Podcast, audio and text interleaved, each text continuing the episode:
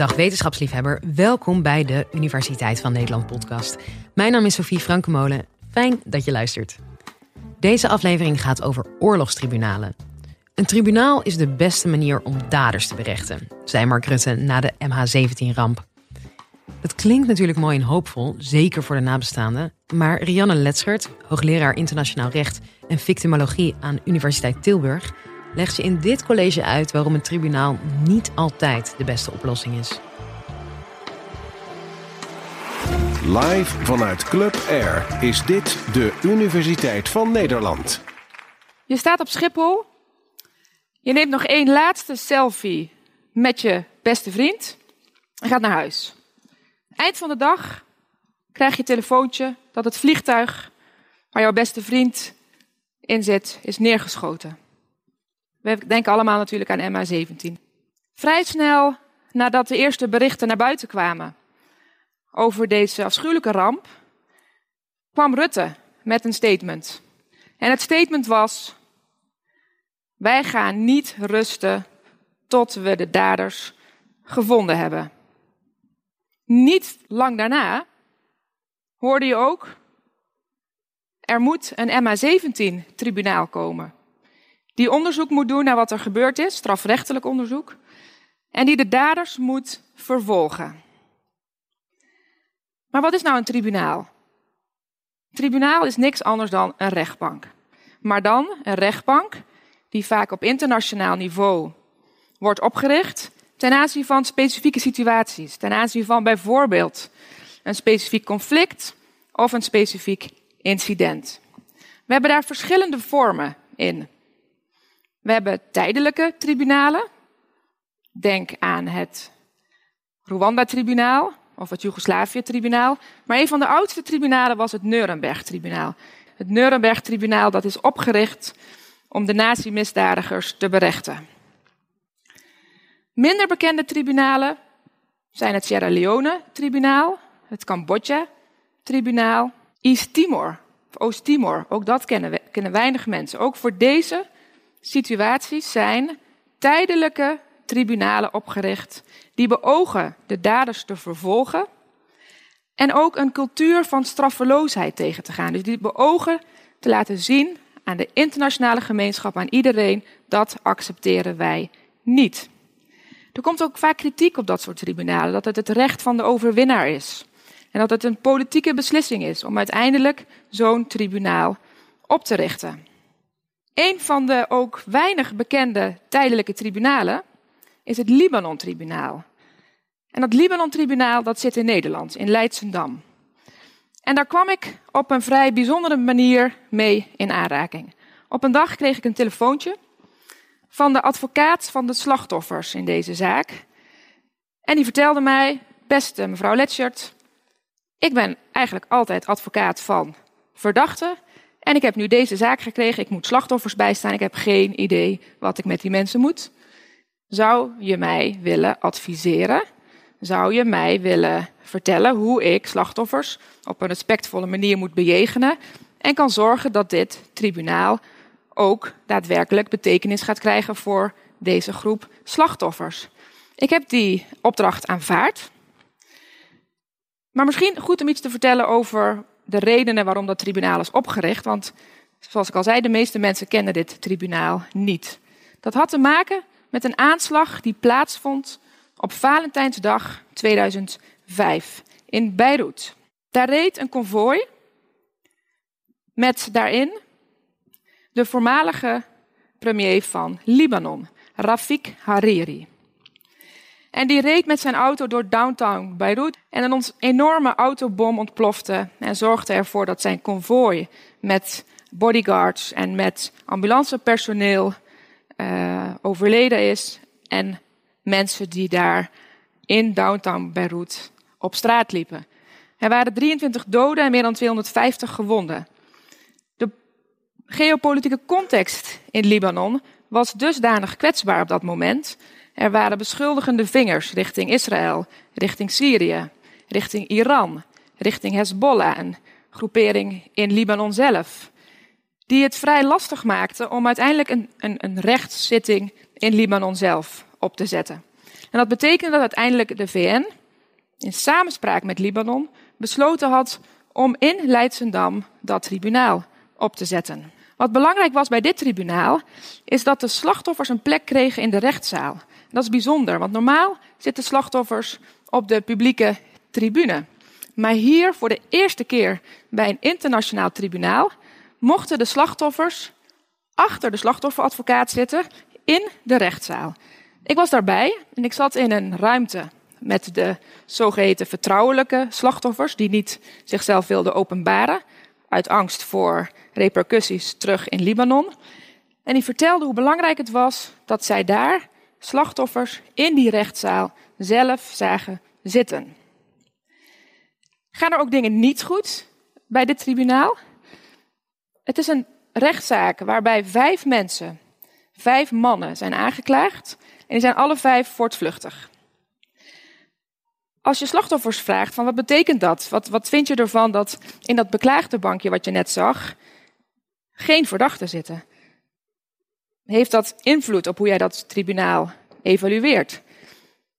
Er is een groep dat zegt, ja, dat vind ik lastig, want ik wil uiteindelijk dat ze straf krijgen en ik wil weten wie het zijn. En het feit dat ze nog voortvluchtig zijn, helpt niet in mijn verwerking. Er is ook een groep en die zegt tegen mij, Rianne, uiteindelijk, justice comes in heaven. Het feit dat Libanon nou voor de eerste keer ten aanzien van terroristische aanslagen een rechtszaak heeft, is voor ons dusdanig belangrijk dat het niet uitmaakt of die verdachten nou daar zitten of niet. En of ze uiteindelijk straf gaan krijgen via dit tribunaal. Belangrijk om te vertellen ook is dat de slachtoffers bij dit tribunaal geen recht hebben om compensatie te vragen. Dat is niet opgenomen in het statuut. Dat betekent dat ze uiteindelijk terug in Libanon, met de uitspraak in hun hand, compensatie moeten gaan claimen tegen de veroordeelden die voortvluchtig zijn. En dan MA17. Willen we dan een MH17-tribunaal?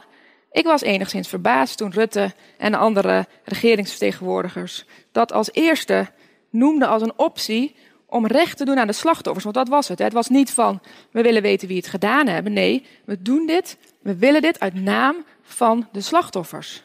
Ik vind het lastig, ook in deze situatie van MH17, waarin we maar moeten afwachten of uiteindelijk eventuele verdachten worden uitgeleverd. Veel landen kennen het beginsel dat je niet eigen onderdanen uitlevert. Stel, het zijn Russische verdachten, dan zal Rusland die nooit gaan uitleveren. We hebben ook hè, gezien de lobby in de Verenigde Naties dat die niet gelukt is, omdat Rusland een veto heeft uitgesproken ten aanzien van het oprichten van een tribunaal.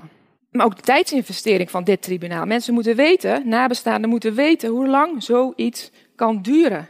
En soms heb ik het idee dat regeringsvertegenwoordigers al die informatie die belangrijk is voor slachtoffers om te weten, niet vertellen in hun publieke uitingen. Libanon is dus ook zo'n tijdelijk tribunaal. Uiteindelijk gaat dat dicht. De verwachting is in ieder geval dat dat gaat gebeuren. Rwanda was een tijdelijk tribunaal. Joegoslavië was een tijdelijk tribunaal. Na al die tijdelijke tribunalen werd de roep om een permanent strafhof steeds groter. Wat uiteindelijk resulteerde in de oprichting van het Statuut van Rome, dat geleid heeft tot het internationaal strafhof in Den Haag. Nou stelt u zich misschien de vraag, waarom doen we dan niet alle zaken daar? Waarom dan nog een Libanon-tribunaal? Waarom een MA17-tribunaal? Dan kan toch alles naar het strafhof? Dat zit er toch, er zitten rechters, er zitten officieren van justitie. Kosten neutraal, waarom dan weer een nieuw tribunaal? Dat heeft te maken met wat we noemen de rechtsmacht van, zo'n, van dat internationale strafhof. Dit strafhof mag alleen maar zaken berechten ten aanzien van personen die uh, uit een land komen dat het statuut heeft ondertekend en geratificeerd, noemen we dat. Amerika heeft het niet bekrachtigd. Wel ondertekend onder Clinton, maar niet uiteindelijk door de parlementaire procedure gehaald. Rusland ook niet. En het is ook beperkt ten aanzien van het type misdrijven. We hebben het over oorlogsmisdrijven, we hebben het over genocide en we hebben het over misdaden tegen de menselijkheid. Dus een terroristische aanslag, zoals in Libanon, of zoals MH17, wat daaruit gaat komen, kan niet bij zo'n internationaal strafhof berecht gaan worden. Ook hier zijn de onderliggende doelstellingen van dat internationale strafhof het bestrijden van een cultuur van straffeloosheid. Afschrikkende werking wordt vaak genoemd. Een derde doelstelling is het herstel bieden aan slachtoffers. Het strafhof in Den Haag biedt veel meer mogelijkheden voor slachtoffers om betrokken te zijn bij de procedure dan al die tijdelijke tribunalen die ik net noemde. Libanon een uitzondering, dat moet ik erbij zeggen. En de laatste doelstelling, heel ambitieus, is dat het zou bijdragen aan de wederopbouw in het land waar het conflict heeft plaatsgevonden en eventueel zelfs verzoeningsprocessen zou bevorderen. Enorme doelstellingen. En aan de hand van een zaak, de Lubanga-zaak, wil ik even kort met jullie die doelstellingen doornemen om te kijken van, werkt dat nou een beetje, zo'n tribunaal? Lubanga was een krijgsheer in Congo en werd veroordeeld tot het ronselen van kindsoldaten. Deze jonge man die legt een getuigenis af over het ronselen van kindsoldaten. Het lastige in deze zaak, vanuit slachtofferperspectief, want daar heb ik het over, was dat de aanklager een vrij beperkte telastenlegging heeft gemaakt. En dat gaat alleen over het ronselen van kindsoldaten. In dat gebied waar Lubanga actief was, als krijgsheer met zijn mannen, is er heel veel seksueel geweld geweest. De aanklager heeft dat seksuele geweld niet opgenomen in de telastenlegging, omdat daar geen bewijs voor kon worden gegeven. Juridisch bewijs, want dat is wat een aanklager moet doen. De slachtoffers van het seksueel geweld hebben gezien dat de voormalige kindsoldaten als slachtoffer werden erkend in deze zaak, maar dat zij zelf, die seksueel geweld hadden ondergaan, niet als slachtoffer zijn erkend. En dat heeft tot allerlei spanningen, ook in die samenleving, in dat gebied in Congo geleid. Ander kritiekpunt wat je vanuit die groep slachtoffers in Congo terughoort, is dat zo'n strafhof alleen maar de kopstukken berecht. Dus dat betekent ook wel de big fish. Dus de topmannen, de mannen die het bedacht hebben, de planners. En niet de soldaten, de rebellen, die ook de meest gruwelijke misdrijven hebben gepleegd. Ik begon het college met MA17. Is dat nou zo'n goed idee? Alles overziend ben ik daar heel voorzichtig in. En vind ik dat als wij ook vanuit een regering oproepen doen voor een dergelijk tribunaal, ook eerlijk moeten zijn in onze communicatie. Eerlijk moeten zijn over de niet alleen lengte van de procedure, maar ook de lengte of de duur van de oprichting. Want het onderhandelen over de onderliggende statuten, dus de wetten die uiteindelijk zo'n tribunaal gaan beheersen, duurt al jaren. En er is nog maar de vraag of eventuele verdachten voor dat tribunaal uh, terecht zullen staan. Dus ik zeg, wees voorzichtig met na zo'n grootschalige ramp meteen wij gaan een tribunaal oprichten en dat is goed voor de slachtoffers. Dat was Rianne Letschert. Vond je het nou een interessant college? Laat het ons dan weten. En ben of ken jij een wetenschapper die je hier ook graag eens een keer zou horen met een inspirerend verhaal?